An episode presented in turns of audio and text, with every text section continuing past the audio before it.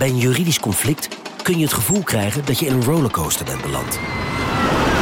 Je wereld staat op zijn kop en je bent de controle even helemaal kwijt. Dan is het fijn als je bent verzekerd bij ARAG. Daar werken topjuristen en advocaten die je begrijpen.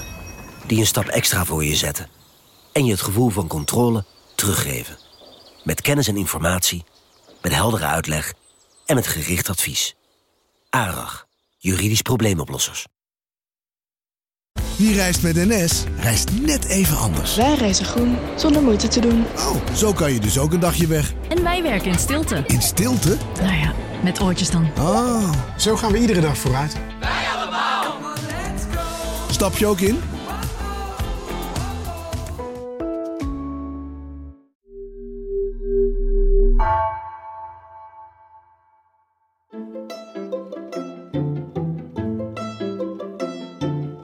Welkom. Wij zijn Onbehaarde Apen. Dit is een podcast van NRC over wetenschap. Bijen die zichzelf opofferen voor de kolonie. Vogels die alarm slaan als er een vijand in de buurt is. En bonobo's die weesaapjes adopteren. Het komt allemaal voor in het dierenrijk. Maar waarom vertonen dieren deze extreme vormen van liefdadigheid?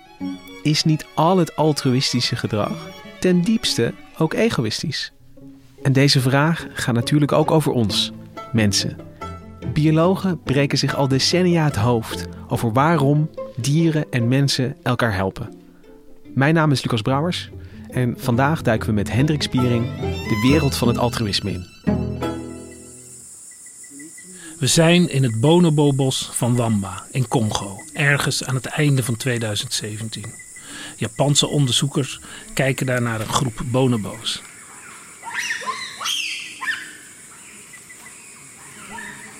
En hé, hey, daar scharrelt ineens een tot nu toe onbekende volwassen bonobo-vrouw rond. Op zich is het niks bijzonders. Het gebeurt vaker. Het leidt ook niet tot ruzie. Bonobo's zijn tolerant. De vrouw gaat als Fula de logboeken in. Het dochtertje dat ze meesjouwt krijgt de naam Flora. En na januari 2018 verdwijnen deze passanten weer. Maar dan, ruim een jaar later, in een naburige bonobo-groep, die ook onderzocht wordt door de Japanse primatologen, gebeurt iets geks. Want daar is ineens dat bonobo-kindje Flora weer, zonder moeder, die waarschijnlijk dood is. De dood van een moeder is meestal fataal voor een jonge aap. Maar niet voor Flora. Want zij is nu in handen van Marie, een van de vrouwen van deze bonobo-groep. En Marie loopt notabene ook nog rond met twee eigen kleine dochtertjes. Het is een echte adoptie van een kind wat duidelijk geen familie is van Marie. Flora krijgt fruit van haar stiefmoeder. Ze wordt zelfs gezoogd. En als ze verder trekken, als de groep verder trekt, wacht Marie niet alleen op haar eigen twee kinderen, maar ook altijd op Flora. De drie kinderen spelen samen, zonder problemen. Flora draait met alles mee. Het enige is dat de primatologen zien uit hun logboeken dat ze misschien net iets minder vaak geflooid wordt door Marie dan die andere twee kinderen. Hendrik, wat een bijzonder verhaal. En een beetje een Disney-verhaal, ook om de goede afloop misschien. En ik vraag me ineens af, is, komt, dat, komt dat vaker voor dat een eenzaam kind door een andere ouder echt wordt opgevoed als bijna een eigen kind? Ja, dat gebeurt uh, uh, best vaak dat een kind uh, door een, een, een, een ander wordt opgevoed in het dierenrijk. Ook bij chimpansees en, en andere apen. En bonobo's ook. Alleen meestal is dat dan vrij naast de familie. Er is bijvoorbeeld chimpansees gezien dat ze, uh, als, als, bijvoorbeeld, als er dan een ziekte is en een moeder sterft, dan trekken soms die twee kinderen die overblijven, een ouder kind en een jonge kind, trekken heel erg met elkaar op. Soms worden die kinderen dan ook door een, een, een, een man in de groep opgevoed. Er zijn hele interessante processen. Maar zo duidelijk een wildvreemd kind van buiten, die ook, en dat benadrukken deze Japanse onderzoekers ook, zeer waarschijnlijk geen familie is. Niet van de mannen in die groep en ook niet van de vrouwen in die groep. Ze hebben wat DNA-testen gedaan, dus het is niet helemaal compleet. Maar dat ziet er wel zo uit. Het kindje lijkt echt van buiten te komen. Ja.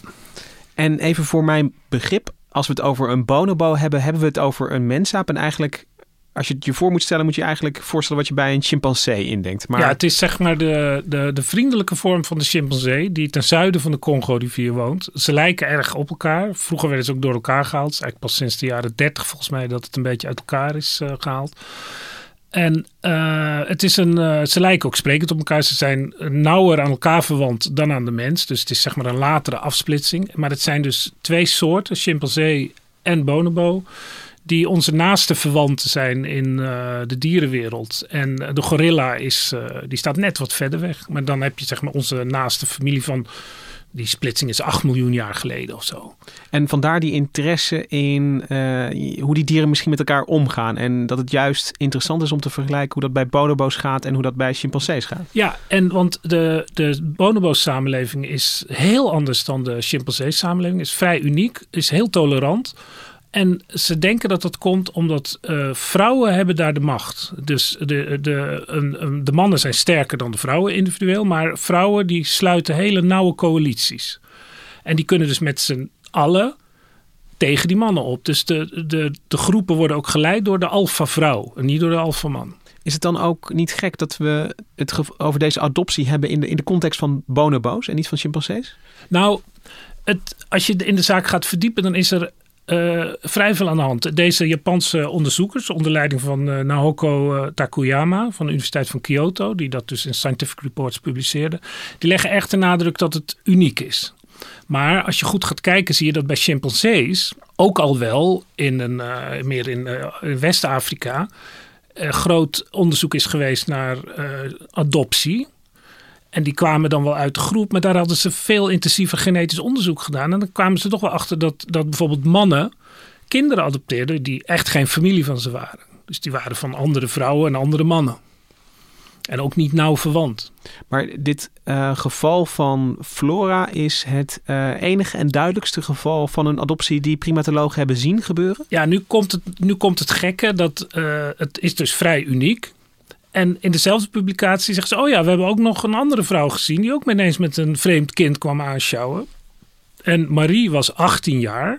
Maar deze vrouw, Cho, die was al 55. Die is eigenlijk hoogbejaard voor bonobo's en chimpansees. Maar ja, kennelijk krachtig genoeg nog om een kind van, van ik geloof, anderhalf jaar uh, te adopteren. En dus gewoon, ja, wat, dat, dat bleek wel een beetje bij die Marie je moet ze vlooien en je moet ze voedsel geven. En ja, ze blijven altijd bij, uh, bij in de buurt. Bescherming bieden als ze getreiterd worden door andere kinderen of, of soms volwassenen.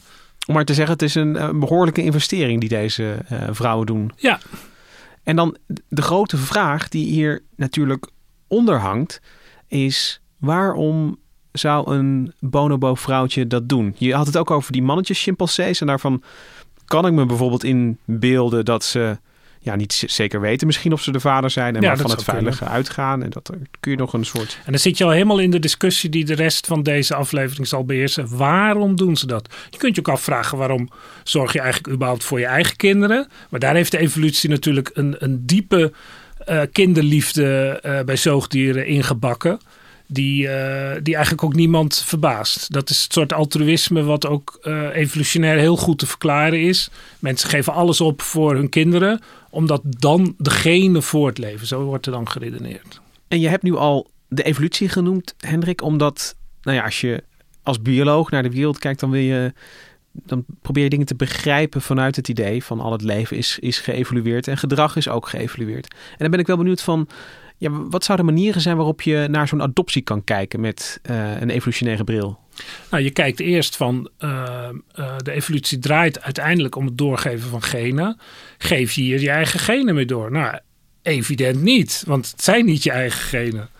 Dus dan gaan biologen naar andere dingen zoeken. Er is ook eigenlijk niet zoveel direct voordeel. Dus, want ja, die Marie die heeft al twee kinderen. Die benadeelt misschien zelfs haar eigen kinderen door de zorg die ze aan, die, aan dat nieuwe kind geeft. Waarom? En het, het is geen kattenpis. Het is niet zomaar een klein hulpdingetje dat je een oude aap even helpt om in een boom te klimmen. Waar je niet zoveel kosten mee maakt. Dit is gewoon een, een, een, een jaren werk. En dan gaan ze. Dan zijn er een, eh, een hele reeks eh, ideeën die er dan zijn.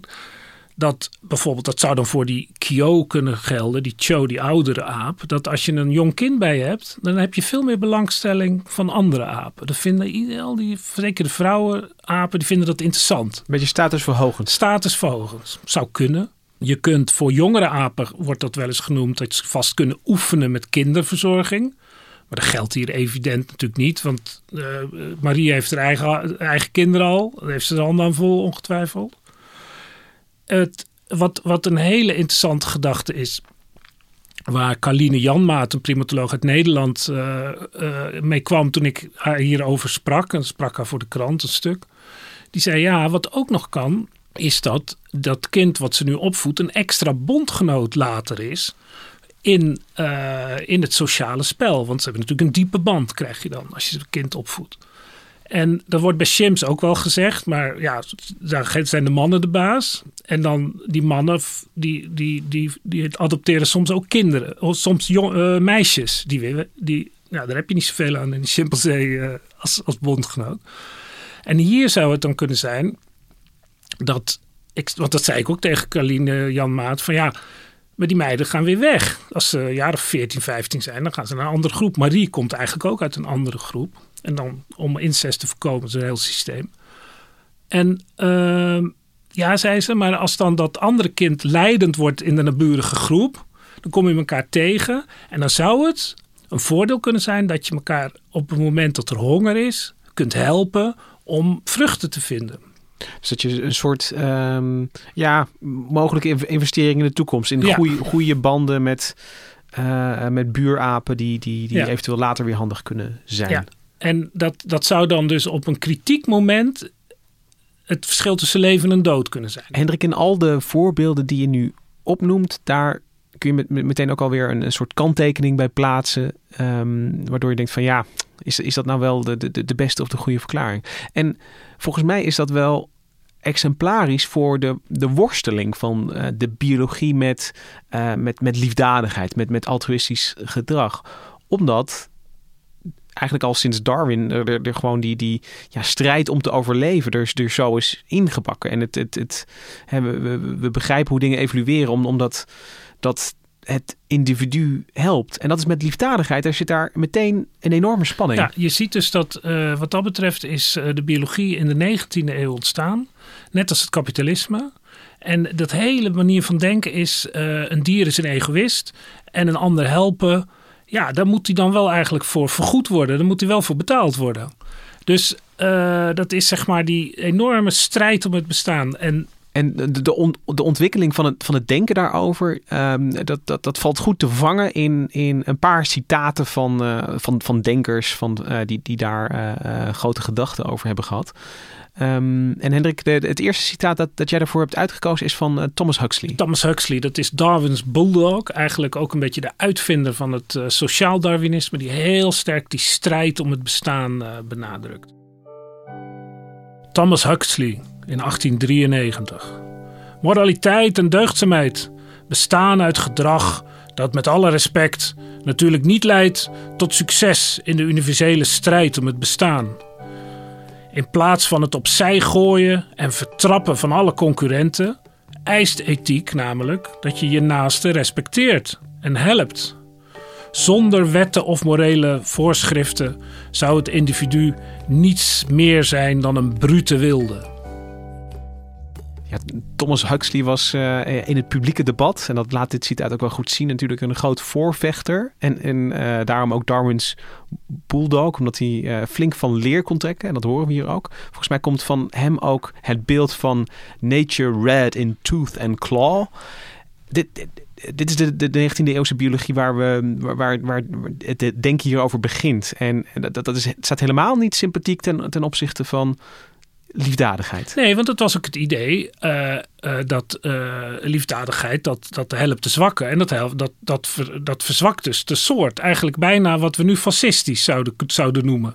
Ja, en um, dat, dat is ook meteen goed om te benoemen, denk ik, is dat ja, de, deze vragen over het dierenrijk en over een bonobo die een weeskind adopteert, die gaan in wezen natuurlijk ook altijd over menselijk gedrag. En ja eh, eh, als je accepteert dat, dat, eh, dat, dat mensen dieren zijn en, en dat ook ons gedrag is gekneed door de evolutie, is elke vraag over ehm, waarom mensen elkaar helpen en in welke situaties dan, die, die, die, die, dat, dat komt hier doorheen gelopen eigenlijk. Ja, en je ziet dus dat er ook eigenlijk bijna gewoon een oud christelijk beeld is van de mens is zondig, net als de, eigenlijk de hele natuur.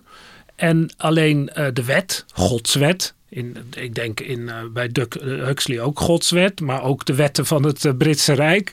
Die voorkomen dat wij ons als beesten gedragen. Dus er is dan een enorm verschil tussen natuur en cultuur. Cultuur beschermt ons tegen de natuur. Dat is het idee. En, en tegen die, de dierlijke driften van, van ja. competitie en, en elkaar vertrappelen. Ja, en dat is eigenlijk de standaard tot, in, de, tot eigenlijk na de Tweede Wereldoorlog. En je ziet dan dat uh, ongetwijfeld ook door allerlei uh, ontdekkingen in de biologie, maar ook omdat het denken verandert. Dat, laten we zeggen, dat fascistische denken van de, wie macht heeft, die heeft het recht om dat uit te oefenen. Om je concurrenten opzij te schuiven. Dat is de natuur. Zo komen we vooruit. Dat is natuurlijk door de Tweede Wereldoorlog en het fascisme in Duitsland en, en Italië natuurlijk wel erg in discrediet geraakt. En dan ontstaat er dus een andere manier van denken. Maar dan wordt het wel moeilijk te verklaren van ja, waarom, uh, waarom zijn, helpen mensen elkaar onbaatzuchtig? En als je in de, goed in de dierenrijk gaat kijken, dan zie je dat natuurlijk ook. En als je met dat hele rauwe beeld van de natuur, waarin iedereen ja, omhoog probeert te krabbelen en het liefst nog een trap uitdeelt aan de competitie, dan is zo'n bonobo die een, een kind van een ander adopteert, ja, bijna krankzinnig. Ja, ik denk dat ze dat ook dan ook niet zagen. Dat zagen ze gewoon niet. Want dat past er totaal niet in. Dus misschien dachten ze dan, die vrouw is gek geworden. Die zal wel hysterisch zijn. Het was natuurlijk ook een hele masculine wetenschap. Dus ja, wat zo'n vrouw allemaal doet, dat slaat nergens op. Dus dat, dat, dat zou gezien worden als een, als een vergissing. Als ze het al uh, geza- uh, Als een vergissing, ja. Ja, een adoptie wordt in, in dat beeld al snel een vergissing. Maar dat is natuurlijk niet het, het, het enige uh, in, in de natuur wat je ineens moet verklaren, wat, wat, wat lastig wordt als je dat, dat, dat hele harde beeld hebt. Neem het voorbeeld van een, uh, een, een, groep dieren die, die, die samenleeft. En, en of het nou apen of, of uh, eekhoorns of vogels zijn. Um, en eentje ziet uh, iets gevaarlijks. Een, trillend gras wat op een slang kan duiden. Ja, wat doet een, hij dan? Of een, een silhouet van een roofvogel hoog ja. in de lucht wat, wat doen de meeste van die dieren? Die, die hebben een alarmroep, die, die, die slaan alarm. En dat is natuurlijk in wezen, uh, als je vanuit het individu bekijkt. Uh, stom. Ontzettend stom. Je kan er beter vandoor gaan. Precies, jij hebt het als eerste gezien en uh, ja, dat je, je wegkomt. En je, als je dus dan een kreet geeft, dan vestig je zelfs de aandacht van het roofdier op jou. Precies. Je geeft je eigen plek weg. Ja. Uh, uh, je steekt je hand eigenlijk omhoog ja. en, en, en, begint te roepen. Toch gebeurt het aan de lopende band. Ja. En toch gebeurt het aan de lopende band. Maar dat, dat, uh, dat past dus niet binnen dat ja, 19e, begin 20e eeuwse frame. Ja, en die oude biologen zagen dat natuurlijk ook wel. Maar daar hadden ze dan een, een of ander trucje voor. Dan zeiden ze, ja, dat is groepselectie. Dus dan was de selectie, de natuurlijke selectie, die bevoordeelde dan het hele, de hele groep. Of de hele, de hele soort, zeg maar. En zoals ze ook, zeg maar, eh, dan meer in de sociologische variant, eh, ik zou zeggen de fascistische variant, zeiden ja, de natuurlijke selectie bevoordeelt die ene natie. Terwijl natuurlijk in werkelijkheid natuurlijke selectie uh, volgens Darwin al alleen op het individu kan werken. Want die moet zich voortplanten. Als iemand zich niet voortplant en de, de eer aan zijn, aan zijn natiegenoot geeft, dan, ja, dan wordt wordt hij weggeselecteerd. Of om het maar simpel te zeggen, als, uh, uh, als, als, sommige dieren in een groep wel alarm slaan en andere niet, dan verwacht je dat de alarmslaande dieren er eerder uitvallen. Ja. Omdat ze eerder gezien worden. En ja, als na de Tweede Wereldoorlog de, de, de tijdsgeest verandert. Hè, dat, dat, dat, uh, dat, dat hele masculine krachtige denken ook een beetje in een kwade reuk staat. Dan ontwikkelt ook de biologie zich. En dan komen we eigenlijk in de, in de, in de tweede fase. En ja, ineens is daar het, het gen dat, dat op de voorgrond uh, kan treden. Ja, wat je ziet is, uh, maar daar weet je waarschijnlijk meer van dan ik, is dat zeg maar dat hele genetische denken, uh, dat, dat wordt steeds sterker. Dus er wordt heel erg vanuit genetica gerekend. En er wordt dus dan korte metten gemaakt met dat, die groepselectie. Maar die blijft dat probleem houden van uh, waarom offert uh, een, een, een bijenkolonie zich op voor de koningin. Door te steken gaan ze zelf dood. Ja, waarom zou je dat doen? En je hebt ook allerlei overgangssituaties. Bijvoorbeeld wilde honden en hyena's. Die jagen met z'n allen als een, een, een pup van, van uit hun groep uh, wordt uh, gepakt door een, een, luipaard, dan jagen ze met z'n allen dat luipaard weer weg om die pup te redden. Maar die pup is niet van, van een van hen, maar niet van al die anderen natuurlijk. Dus dan die wagen wel hun leven tegenover zo'n luipaard. En wat je ook krijgt, is dat het ook dat genetische denken, dat, dat versterkt ook, zeg maar, dat egoïsme. En dan kom je op de, dat idee van egoïsme, de selfish gene van uh, Richard Dawkins. Ja, een briljante frase. De, de, de selfish gene, het zelfzuchtige gen. Ja, daar heb ik nog een mooi citaat over. Richard Dawkins in 1976. Wij zijn overlevingsmachines. Robotvoertuigen die blind geprogrammeerd zijn ter bescherming van die egoïstische moleculen die wij genen noemen.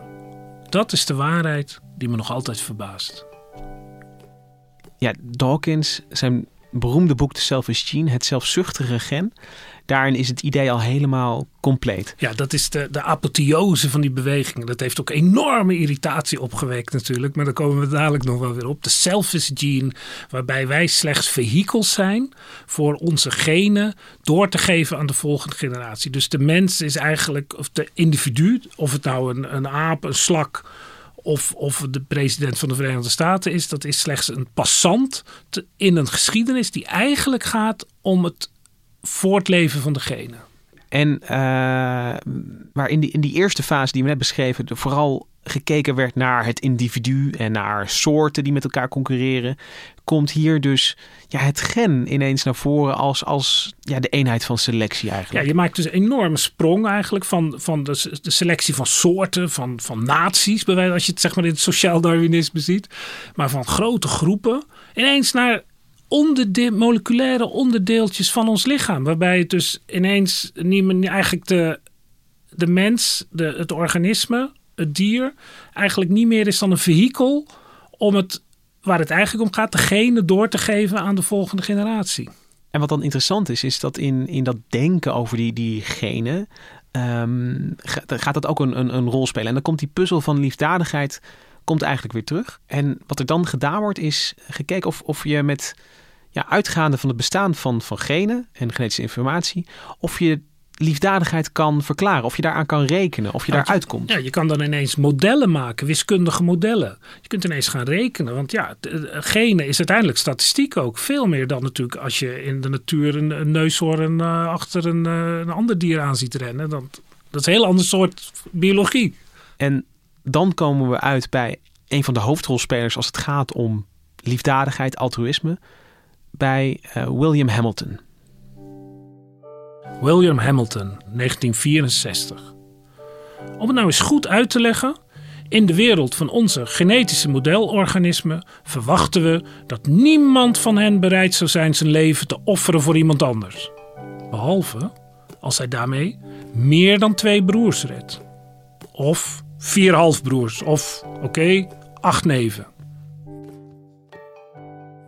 Ja, die Bill Hamilton is een, een, een heel interessant figuur. En, en toen hij dit uh, opschreef, Hendrik, uh, 1964, was hij ook nog maar een, een PhD-student. En wat hij eigenlijk doet, is hij slaat een, een brug tussen, ja, tussen wiskunde en, en biologie. Tussen zeg maar theorie en, en de praktijk. Want hij was ook een, een, een heel goed veldbioloog, hield ook van de planten en, en insecten om hem heen. En hij heeft er eigenlijk zijn, zijn hele carrière eh, voelde zich aangetrokken tot, uh, ja, tot, tot wilde en grote ideeën. Uh, vlak, vlak nadat dat, dat paper uh, dat, dat beroemd werd, want het is 20.000 keer geciteerd. Ja, dat is echt ontzettend veel. Het is ook een. Ik denk dat buiten de populatie genetica weinig mensen van hem gehoord hebben, maar hij is echt vrij beroemd. Hij, is, vrij beroemd en hij is dus ook altijd bezig gebleven met. Nou ja, hij, hij, hij bedacht bijvoorbeeld die eerste idee dat er misschien toch nog bacteriën zouden kunnen leven in wolken, wat nu serieus wordt onderzocht. Hij uh, rekende aan ouderdom. Is het onvermijdelijk dat dieren ouder worden? En hij stierf ook in 2000 aan malaria. Uh, want hij was in Congo geweest. Um, en daar eh, ja, reisde hij een, eigenlijk ook een wilde theorie achterna. Dat HIV zou zijn ontstaan uit een ja, mislukte vaccinatiecampagne in de jaren 50. Nou ja, uh, gek idee. Maar ze gingen, geloof ik, chimpansee-poep wilden ze verzamelen. En, uh, om dat kracht bij te zetten. Maar... maar heeft hij eigenlijk zijn leven geofferd voor het onderzoek? Dan vraag je toch in de lijn van dat citaat. Wat hij zelf had uitgerekend. Of hij daar toch tenminste acht neven mee gered had natuurlijk. Ja, want dat, dat citaat dat je voorlas, daar, daar zit eigenlijk heel veel in over die manier van, van kijken naar verwantschap en liefdadigheid. En uh, dat, dit, citaat wordt overigens vaak verkeerd toegeschreven aan, uh, aan Haldane. Ja, dat is een ander, ook een, fameuze Britse uh, bioloog. Maar er wordt altijd bij gezegd dat hij dat in de dat die Haldane, dus niet Hamilton, maar Haldane, dat in het café zou hebben uitgeroepen. Nou, als het moet, dan zal ik alleen maar mijn leven opofferen voor nou ja, twee broers uh, of acht neven. En ik, ik, kende dat citaat eerst eigenlijk van, van jou, Hendrik, omdat jij had het wel eens eh, gezegd. En ik was dus gisteren dat paper uit 1964 van Hamilton aan het teruglezen. En ik, ik, ik, ik zag het daar ineens helemaal staan, gewoon in, in een onderzoeksartikel. Maar dat is dus echt een ontdekking. Sorry dat ik jou nu uh, enorm ga prijzen. Want dit, is dus, dit lees je altijd als toegewezen aan Haldane. Ik heb het nog nooit aan Hamilton toegewezen gezien. Maar het lijkt me evident dat het later bedacht is. Ja, ik denk het, denk het wel. Er is geen goede schriftelijke bron voor zover ik nee. uh, zoekend kon, kon zien. Die, die het aan Haldane echt kan linken. En, en die link met Hamilton, die, die is er gewoon. En die was al dood toen Hamilton dit opschreef ook. Die ja. Haldane. Ja, dus daar ga je al. Daar ga je al. Um, de, de, de innovatie die Hamilton eigenlijk bedenkt. Uh, hij komt eigenlijk met een, een, vrij simpele formule die als Hamiltons regel gewoon de, de, bekend komt te staan. Um, hij brengt die verwantschap brengt hij de berekening in. En wat hij zegt is dat als het voordeel dat je aan een ander geeft door je liefdadigheid. gecorrigeerd voor hoe verwant je aan, die, aan dat individu bent, groter is dan de kosten voor jou, dan is het evolutionair nog steeds zinnig om die liefdadige daad te doen. Vanuit, ook vanuit genetisch perspectief. Want uh, als je inderdaad door jouw leven te offeren drie broers zou, uh, zou redden, waaraan je. Heb je winst? Dan heb je winst. Want je bent aan al die broers heb je, ben je voor 50% verwant. Dus in totaal gaan er eigenlijk nog steeds veel meer van jouw genen verder dan uh, als je die drie broers uh, van het ravijn had laten storten. Er is dus ook wel een interessant verschil tussen dat pseudo-citaat van die Haldane, waarin hij zegt dat hij zichzelf zal opofferen, en dit werkelijke citaat van Hamilton. Want Hamilton zegt niet van ik zou dat doen. Nee, de genetische modelorganismes in zijn wereld van abstractie. Dus het is een heel abstract idee. En dat is dus eigenlijk gevulgariseerd alsof een levend mens dat dat soort berekeningen ook zou moeten doen. Maar dat zegt hij Hamilton helemaal niet. Het is een, een model. Ja, het is een, het is een model en het is een. Uh, het succes van het model is wel dat het ineens uh, veel dingen kon, kon verklaren. En dat wordt nergens uh, zo mooi zichtbaar als bij bijen en, bij bijen, en, natuurlijk en andere eusociale insecten. Um, en bijen hebben een, een, een heel uh, afwijkend genetisch systeem. In ieder geval als, als we het als, als zoogdier bekijken. Het systeem bij zoogdieren is dat individuen met, de, met een geslachtszet XX hebben de biologische sekse vrouw. En individuen met een geslachtszet XY hebben de sekse man. Bij bijen en mieren werkt het anders. Als je uit een onbevrucht eitje komt en dus maar een halve set chromosomen hebt uh, dan word je een man. En als je een dubbele set chromosomen hebt, dan word je een vrouw. Uh, dat heeft een aantal sowieso al, al uh, rare implicaties als je erover na gaat denken. Bijvoorbeeld dat, dat mannen nooit een vader hebben, maar wel een opa. Want ze zijn zelf uit een. Misschien uit... moeten we het eenvoudig houden. nee, maar het is, het is heel goed als je, wel, ja. ja, als je dat even, even doordenkt. Want mannen komen uit een onbevrucht eitje. Dus je hebt nooit een vader, want het eitje is gelegd door je Ja, moeder. Maar, Maar, hun moeder heeft wel een vader, Precies. want anders was het, was het een mannetje geweest. Precies, dus daarom hebben eh, eh, alle mannetjes eh, bijen wel een opa, maar geen vader. Ehm, stel je nu voor, we zitten in die situatie in de bijenkolonie met één koningin, die met één mannetje paart. Die, dat krijgt ze voor elkaar, dat ze maar met één mannetje paart. Eh, dat betekent dat alle vrouwtjes die uit die eitjes kruipen, eh, niet voor de helft met elkaar verwant zijn, zoals eh, eh, mensen, broers en zussen. Maar al die, die vrouwelijke werkers die zijn voor drie kwart met elkaar verwant. Hoezo dan? Want ze hebben die halve set van die, die man, die hebben ze allemaal. Want, en en die, die man heeft maar één set om te delen. Oh, Dus- die dus- heeft maar één set om te delen. Precies, natuurlijk. dus dat, die is altijd al identiek. Dus Want dat is, jouw dat is natuurlijk- vader en mijn vader, die, die, onze broers, die hebben, je kan in theorie precies de, de andere helft van degene van je vader hebben gehad. Precies, natuurlijk. doordat die chromosomen eh, door elkaar husselen. Maar voor die bijen is het dus zo dat ze, eh, die- die, die vrouwelijke werkers hebben dus allebei die set van die man gekregen. Dus dat is al de baseline van 50%, die hebben ze al cadeau. Ja, want die, die- hij kan maar één, één setje geven. Precies. En dan heb je nog de, eh, de, de, de, eh, de bijdrage van de koningin is dan, voor de, voor de helft komt die overeen. Maar dat betekent dat eh, in totaal dus, dus ze voor drie kwart hun Ja. genetische informatie delen. Dus En- dat mannetje, die vader, is eigenlijk gewoon. Hij heeft maar één zaadcel. Er komt het één type zaadcel. Hij heeft maar één type zaadcel, zo zou je het ook kunnen zien. Weet je? En die is altijd hetzelfde. En eh, eh, in die rekensom van Hamilton, die we net gaven, ik geef hem even in de simpelste vorm. ehm, R maal B moet groter zijn dan C. Dus de verwantschap maal het voordeel dat je aan eh, degene die je helpt geeft, moet groter zijn dan de kosten. Die R, die verwantschap, die is veel hoger voor twee zussen in een kolonie dan voor twee, twee mensenzussen. En eh, omdat die drie kwart is, betekent dat dat een, een zo'n daad van hè, die, die hele van de rekensom van het- opoffering. Ja. die, die, die verandert eh, helemaal. Eh, dus dus, dus door, als, als jij inderdaad steekt en, en, en je angel achterlaat en daarmee de kolonie kan, kan redden, dan, dan, dan, dan heeft dat zin. Want dat betekent dat jouw genen toch doorleven voor, een groot gedeelte. Voor het- in moderne termen zou je kunnen zeggen: het, het zijn bijna klonen van elkaar. Eh, eh, voor- niet helemaal, niet maar helemaal. bijna. Maar, maar, maar het gaat die kant op. Eh, en, en voor de evolutie maakt het dus, is, is dat dus, voor de kolonie is het dus een ge- gewenst gedrag. Dat af en toe een bij zich opoffert. En ik kan me enorm goed voorstellen dat je dat dan voor bijen en mieren, kan je dat heel goed uitrekenen en dat snap je dan ook helemaal. Maar, en, en je begrijpt dan ook waarom eh, zeg maar eh, me- eh, mensen en dieren hun familie ook eerder bevoordelen dan een, dan een wild vreemde.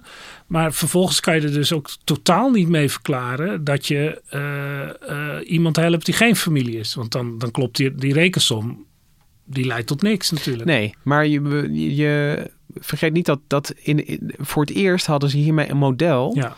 dat ehm, negatieve individuele eigenschappen of, of gedrag kon verklaren. En dat was, Hamilton schrijft het zelf een beetje onderkoeld op, dat, dat dat voor het eerst is. Maar dat is natuurlijk heel belangrijk. Ineens, weet je, dat bouwwerk van, van Darwin, dat, dat, dat stond. En, en ineens heb je halverwege de jaren 60 nu iets waarmee je dus ook negatieve individuele eigenschappen, namelijk dat, dat, dat steken en sterven, waarvan je denkt van hoe kan dat? Weet je van, van hoe kan een, een, een individu met, met zo'n zo'n destructief gedrag, hoe kan dat bestaan? Dat, dat kon ineens bestaan hierin, omdat je naar die genen kijkt en hoe die genen blijven bestaan eh, eh, in, een, in een grotere populatie. Dus zie een zucht van verlichting onder de biologen. Eindelijk hebben ze eh, een, een model, een rekensom waarmee ze altruïstisch gedrag evolutionair kunnen verklaren. Theodosius Dobzhansky, 1973. Niets in de biologie is logisch, behalve in het licht van de evolutie. En Hamilton's regel die, die is ontzettend krachtig. Ineens, ineens wordt zo'n krankzinnig systeem van, van de bijen en mieren, dat, dat wordt begrijpelijk. Ehm, dus biologen hebben iets moois in handen en, en waarmee je een groot deel van de puzzel kan leggen. Maar dat puzzelstukje van de bonobo, dat lijkt nog steeds niet helemaal te Nee. passen. Want als je die som zou maken, terwijl je in het bos van Wamba naar het prachtige eh, eh, toneeltje kijkt van dat geadopteerde vreemde kind, dan ze zijn genetisch waarschijnlijk vrijwel zeker niet, niet verwant genoeg om die enorme inspanning te, te, te rechtvaardigen. Ja, dus die liefdadigheid die komt niet terecht bij een genetische verwant. En sterker nog, eh, in het geval van Cho zou je kunnen zeggen: wat heeft ze te verliezen? Ze is al oud. Het gaat niet ten koste van haar eigen kind. Maar bij Marie, die is 18, die is in de kracht van haar leven. Die heeft al haar energie nodig voor die twee hele jonge kinderen. Ze heeft uitzonderlijk dicht op elkaar ook kinderen gekregen. Dat is enorm werk. Haalt ze er nog een derde bij? Dat kan alleen maar ten koste gaan van de zorg voor die twee eigen genetische kinderen. Hamilton die zou hoofdschuddend ernaar gekeken hebben natuurlijk. Vanuit zijn modelorganisme natuurlijk. En wat is dan de uitweg? Moet, moet, moet, Hamiltons regel uh, weg? Nou, wat je ziet is dat er die, die verklaring die we eerder al noemden, die, uh, dat is dan dat, dat, dat Marie er toch nog iets voor terugkrijgt. He, dus uh, een latere bondgenoot. Ja, dus we proberen, wat er eigenlijk gebeurt, is dat er toch nog een, een voordeel gezocht ja. wordt. Als je zegt van, misschien heeft Marie later in haar leven, als ze uh, eenzaam in het bos een, een, een, vreemde groep tegenkomt, voordeel omdat daar. Ja, dat dan, haar. Flora is daar dan de baas, zeg maar. Je ziet de speelfilm al voor je. Ja. Maar ja, daar kan je ook niet aan rekenen natuurlijk. Nee, want dat, dat, uh, dat kan bij die bijen kan dat wel. Maar, maar hier hebben we het. Je, je, kunt de som niet invullen. De werkelijkheid is veel te ingewikkeld om daar uh, statistiek op toe te laten. Maar het gebeurt dus wel. Dus wat is er dan aan de hand? Maar als je, als je niet die, die, die rekensom kan invullen hiervoor, voor, voor, voor dit gedrag, als je de, de, de, de som niet kloppend krijgt, wat, wat dus, moet je dan? Nou, dan bel je Frans de Waal. En dat heb ik ook gedaan. Een bekende Nederlandse primatoloog. Een man die heel veel over empathie en altruïsme heeft geschreven. Echt een grootheid op dit gebied. En ik, nou, ik belde hem trouwens niet. Ik mailde hem. En met ook dat stuk over die geadopteerde bonobo-kinderen. Dat hij ook al kende volgens mij.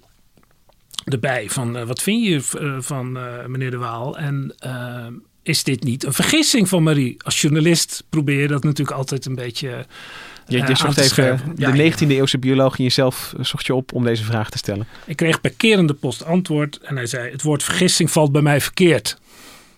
Een cynische term voor biologen die gefixeerd zijn op evolutionair nut. En ter voorbereiding van deze podcast ging ik nog zijn, zijn boeken lezen die ik ooit wel eens gelezen had, maar ik kan niet alles onthouden. En daar stond dus ook precies dit hele kwestie helemaal uitgewerkt. Frans de Waal, 2013. Er bestaan geen genetische vergissingen in de biologie. Want genen zijn gewoon kleine stukjes DNA die niets weten en niets willen. Ze hebben wel een effect, maar zelf hebben ze geen doel. Hoe kunnen ze dan vergissingen maken? En dus kun je ongebreideld altruïsme net zo goed een fantastisch toeval noemen. Een glorieus ongeluk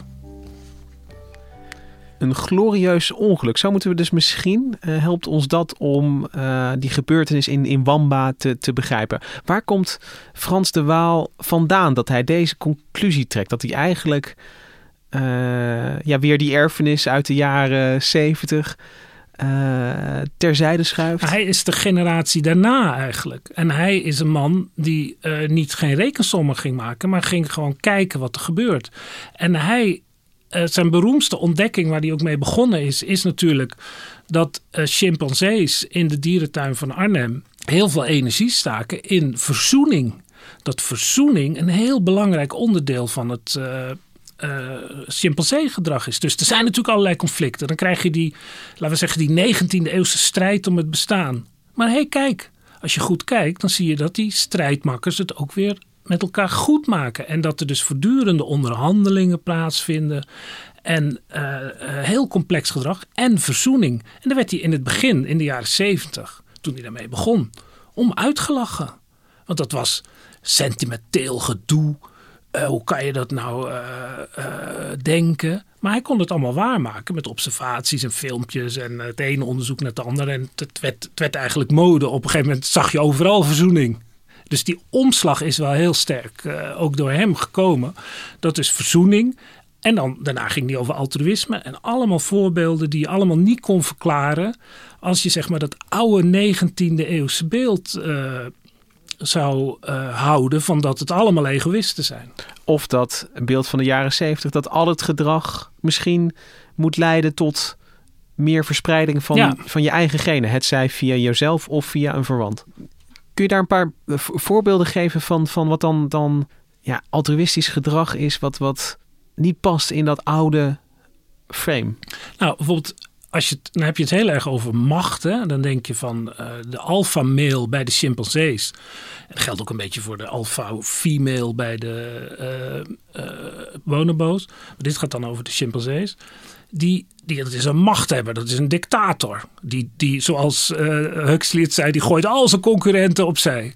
Nee, een groot deel van het werk, tussen aanhalingstekens, van een alpha-male is het bijleggen van conflicten in zijn groep. Zodat de groep als geheel goed kan functioneren. En eh, Frans, Frans beschrijft dat dan ook. Van ja, wat, soms zijn die chimpansees, die, die zijn dan soms geen alpha-male meer, maar dan een oud mannetje die dan, nog, die dan gewoon meedoet. En die besteden ook heel veel aandacht aan het bijleggen van die conflicten. Waarom? Wat heeft hij er voor voordeel bij?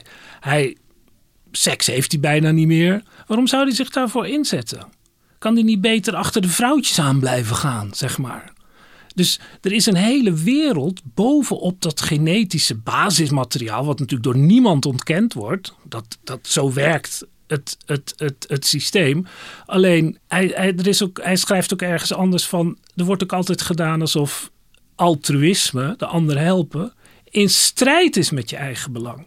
Alsof je dat. Dat je dat altijd met elkaar in. In, in, in Hamilton staat het eh, aan twee kanten van de rekensom, zeg Ja. maar. De, de- tegenover de, de, je, je liefdadige daad staat een, een, een, een kosten voor jezelf, zeg maar. Het zijn, Maar- het zijn, twee termen aan, aan verschillende kanten van het is gelijkteken. En als je nu goed leest in zowel in eh, bijvoorbeeld eh, eh, Ed Wilson, de bekende bioloog die daar ook veel over geschreven heeft, maar ook Dawkins.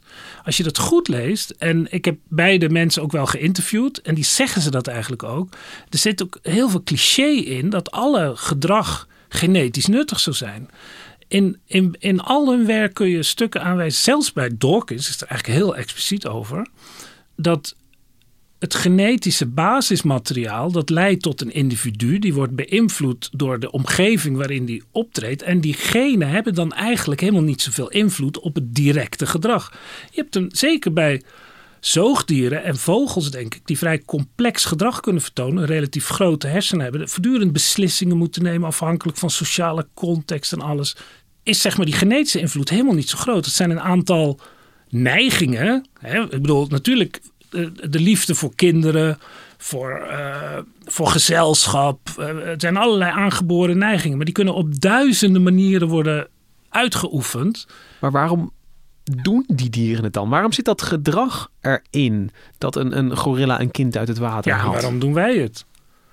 Waarom doen wij allerlei dingen die niet in ons genetisch, tussen aanhalingstekens, belang zijn? Omdat we natuurlijk geen genetische modelorganismen zijn. Niet alle gedrag, misschien zelfs al het meeste gedrag, kun je op die manier verklaren. Dat zijn veel hogere psychologische, sociologische eh, patronen die ontstaan, eh, die ons gedrag mede bepalen. En ook gewoon omdat we er zin in hebben. Frans de Waal noemt als een grappig voorbeeld, maar ook ontzettend duidelijk, van ja, wat is nu genetisch de oorzaak van dat je- wat, gedrag wat je heel vaak ziet bij homo sapiens, zal ik maar zo zeggen, dat ze, eh, dat ze walvissen die aangespoeld zijn terug gaan duwen in zee. Ja. Niet helemaal zonder eigen gevaar natuurlijk. Toch doen ze het. Heel veel inspanning. Ja, jij en ik weten het antwoord wel. Uit een soort liefde voor die dieren. Omdat ze het leuk vinden. Omdat het ook gezellig is eh, met z'n allen zoiets te doen. Omdat ze worden aangestoken door een filmpje van Greenpeace. Whatever. Maar niet om een genen te produceren. Ja, dan kom je weer op hetzelfde verhaal als bij de bonenboos. Ja, misschien is het goed voor hun reputatie. Eh, Het is nou niet zo dat ze dan die... Dat ze dan die walvis laten tegenkomen als ze op zoek naar voedsel zijn of zo. Maar Die walvis gaat je niet helpen als je Nee. op, op, op zee ver- verdwaald bent. Nee, maar, maar het is dus zo met, met, met, eh, eh, met, met Hamiltons regel in de hand.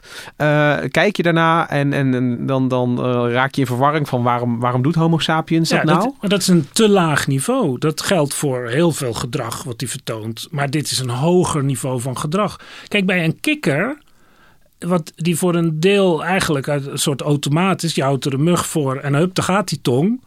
En zo zijn er, die heeft niet veel te kiezen.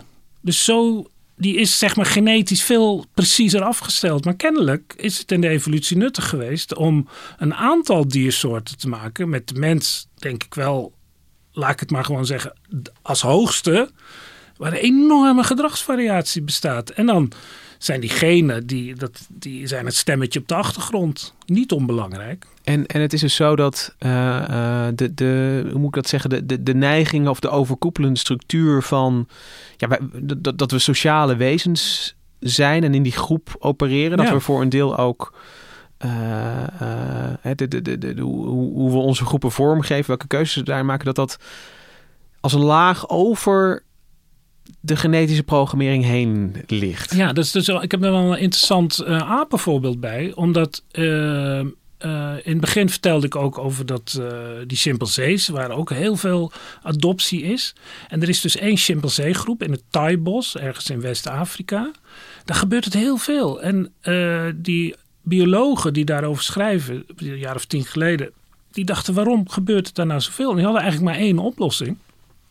Er zitten luipaarden in dat bos. En dit is een, een, uh, een, een, groep chimpansees waarin onderlinge hulp heel belangrijk is. Want als je zeg maar iemand die struikelt niet ophelpt, dan staat er al gelijk een luipaard in de buurt om hem op te eten.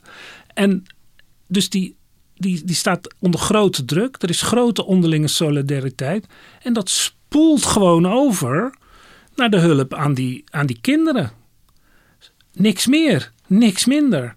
En het is ook niet zo dat die. Uh, dat heb ik nog nergens gezien. Dat die, dat die, dat die, dat die apen die dan zo'n kind adopteren. zelf minder reproductieproces hebben. Dat, ja, ook niet meer waarschijnlijk, maar ook niet minder. Dus het is gratis gedrag, genetisch gezien. En als ik dan aan het begin zei ik van, van uh, deze vragen gaan natuurlijk ook altijd, altijd over onszelf. En, en uh, hoe mensen zich uh, verhouden tot elkaar. En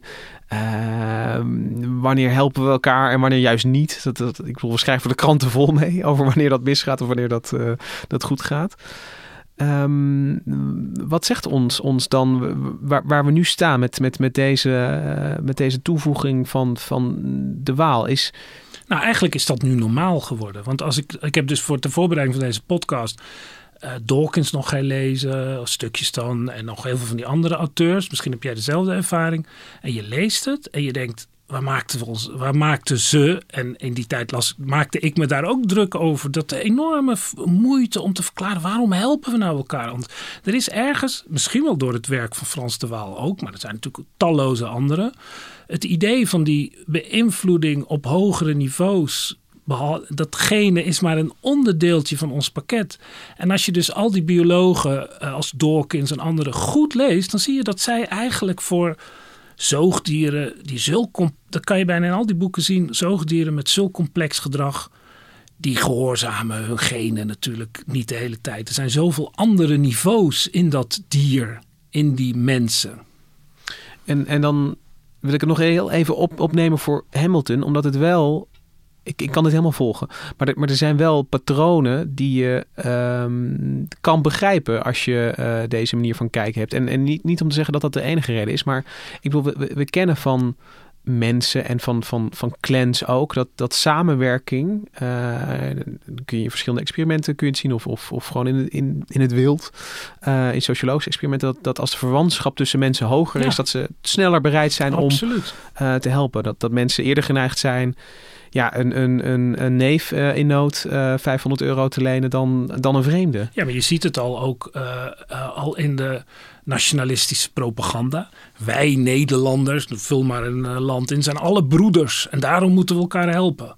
In de islam wordt, worden medegelovigen ook broeders en zusters genoemd. Dat, dat, dit, het wordt gewoon naar een hoger niveau uitgebreid. En dan, om het Frans te zeggen, dat is dus geen vergissing. Dat is een uitbreiding. En dat is, het een subtiel verschil. Ja, maar het, het, het, het uh, ik, ik, ik denk dan toch dat we. Uh, die, die doorbraak van, van Hamilton is, is denk ik echt. Weet je, want die, die, die heeft de, de, de, biologie zeg maar verder geholpen in dat uh, begrijpen van die systemen. Maar ik denk dat die toevoegingen, en dat, dat zei Hamilton zei eigenlijk zelf ook al, van in mijn modelorganisme, ja. die volledig, vond ik opvallend om terug te lezen, ja, ja. Die, die volledig door genen wordt aangestuurd, is, is dit de uitkomst. Ja, want die, die lui waren ook niet gek. Dawkins is ook niet gek. Wat interessant is, is dat in de retoriek wordt het vaak wel eh, al ons gedrag is genetisch bepaald. Eh, je bent een, eh, je moet, de mannen die willen zich alleen maar voortplanten en vrouwen beschermen hun eigen kinderen. Weet je, dan krijg je al dat soort krankzinnige clichés die dus allemaal heel beperkt deeltje van onze gedragsfactoren gebruiken om alles te verklaren. En ja, daar heb je dus niks aan dat is juist zo leuk van zo'n adoptieonderzoek, vind ik. Dat ze dan die, die Japanse primatologen zeggen: hé, hey, wat gebeurt daar nou? Dat ze dan denken: ja, hoe kunnen we dat eigenlijk verklaren? Want het is toch, we zien het niet zo vaak. Want je ziet natuurlijk vaker dat mensen familie elkaar helpen, dat buitenstaanders een dreun op hun hersens krijgen. Weet je, dat is. Dus als dat het, het, is normaal genoeg om het normaal te vinden, maar het is toch interessant om een verklaring te zoeken natuurlijk. Dus dan is het helemaal niet zo gek dat, dat je denkt van ja, misschien hebben ze er later nog voordeel van en zo. Alleen helemaal verklaren kan je het niet, behalve dat je denkt ja, waarom zou je het niet doen eigenlijk? Ja, maar dus, dus de reflex om, om soms achter al het altruïstisch gedrag uh, toch iets, uh, um, het zij iets egoïstisch, te zien, ja. te, te, te zien of hè, egoïstisch voor jezelf of voor de groep. Uh, um, dat uh, gaat in zekere zin. Uh, is, is, is dat niet zo'n nuttige bezigheid? Dus de, de, de, ja, de volgende keer dat ik, um, ik, ik, ik, noem maar wat, de, een, een, een, een, iemand laat voorgaan in, in, in de rij voor de supermarktkassa, hoef ik, en dat doe, doe ik niet, al niet altijd hoor, maar hoef ik me niet meer uh, diep af te vragen waarom doe ik dit eigenlijk? Doe, doe ik dit om, om tof gevonden te worden of doe ik dit om... Ja, waarschijnlijk wel. Maar misschien ook niet. Het, het, het, het is gewoon. Het maakt niet uit. Een, oh. een neiging. Dit is een ingebakken systeem. Als die, als die persoon jou boos aankijkt, zou je het waarschijnlijk eerder niet doen. Dus er zit ook. Weet je, er, zit, er zit, speelt altijd van alles mee. Maar je kunt, als je nou eens oplet want dit is trouwens ook wel de, meest geringe vorm van altruïsme die je kan voorstellen. Dat je iemand voor laat gaan in de rij. Ik bedoel, ik, ik, wat, voor zo, kosten zijn eraan verbonden? Ik, ik, kan hem zo cynisch maken als ik wil. Ik kan zeggen dat, dat mensen aan goede doelen geven om hun uh, geweten af te kopen. Of ik kan zeggen dat ze het alleen maar doen om uh, er later mee te pronken. Nou ja, geweten afkopen. Ja, het, het is interessant om eens bij jezelf na te gaan wat voel je eigenlijk? Waarom doe je? En vaak zal je zien dat je doet zonder erbij na te denken. En dat is waarschijnlijk ook een van de redenen waarom dat hele verhaal over waarom zijn we zo altruïstisch is in de jaren negentig en daarna een beetje in verval geraakt. Of leidt niet meer tot grote emoties omdat er heel veel onderzoek is dat allerlei ethische beslissingen helemaal niet worden genomen. Dat je eerst even je rekenmachine erbij pakt om te kijken wat je voordeel is. Maar die worden instantaan genomen. Dat, die komen uit een soort gut feeling. En vaak later ga je er dan. Als je nog vraagt waarom heeft die man voor? Ja, misschien omdat je indruk wilde maken op andere mensen. Dat is goed voor je reputatie. Dat, dat kan allemaal zo zijn. En dat, dat helpt ook te begrijpen wat er gebeurt als je iets ziet. Maar de beslissing zelf wordt instantaan zonder, zonder eigenlijk cognitieve ballast. Of zonder ethische ballast genomen. Als een reflex bijna als ik dan even, even terug ga naar Wamba voor, voor de laatste keer. Wamba. Dan hoeven we onszelf niet ten diepste op ons hoofd te krabben en, en, en in vertwijfeling uit te roepen van waarom doet Marie dit? Nee, Kaline Janmaat die gaf ook, die ik erover sprak, die gaf ook een paar voorbeelden van adopties die ze had gezien. En de ene apenvrouw, chimpanseevrouw, bonobo-vrouw, of man, die doen het ook, die doet het heel makkelijk en de ander niet. Het is ook een kwestie van persoonlijkheid. Bij de ene zit dat gut feeling meer die kant op dan die ander. En je weet gewoon, ongetwijfeld heeft Marie dat kind gezien en denkt, nou die neem ik er wel bij, zonder dat bewust te denken misschien. Zoals, ja, waarom doen mensen adoptie? Dat komt op en dat is dan zo. En dan, dan kijken ze wel even, hebben we nog een kamertje waar we het kind in kunnen zetten? Is de auto groot genoeg? Ik bedoel, het zijn praktische dingen. Maar de reden waarom je dat doet, is vrij ja, instinctief, mag je niet meer zeggen. En de, de ene doet het wel, de ander doet het niet. Maar het is niet zo raadselachtig als je met de rekenmachine in de hand zou denken. Je kunt het niet uitrekenen gewoon. De toekomst is ook onvoorspelbaar. Misschien wordt dat je grootste bondgenoot. Misschien haalt dat kind wat jij adopteert je uit het brandende huis. Misschien ook niet. En dat doet er eigenlijk niet zoveel toe. Nee. Dat, dat, dat is niet de overweging waardoor je het doet. Oké. Ik denk dat we We hebben het ingewikkeld genoeg gemaakt. We hebben het ingewikkeld genoeg gemaakt, maar we zijn op een, op een, eh, een aangename plek aangekomen om het, om het denk ik hier eh, bij te laten. Ja. Van, we, we mogen gewoon andere mensen helpen zonder daarbij na te denken. zonder daarvan in de war te raken. Dankjewel Hendrik dat je hier het verhaal van Flora en Marie kwam vertellen en ons meenam in het eh, denken over liefda- liefdadigheid aan de hand van, eh, eh, van grote citaten. Dankjewel Nina van Hattem en Lis Doutsenberg voor de productie van deze aflevering. En de muziek die je hoort, die is gespeeld door het Dudok Quartet. Tot volgende week.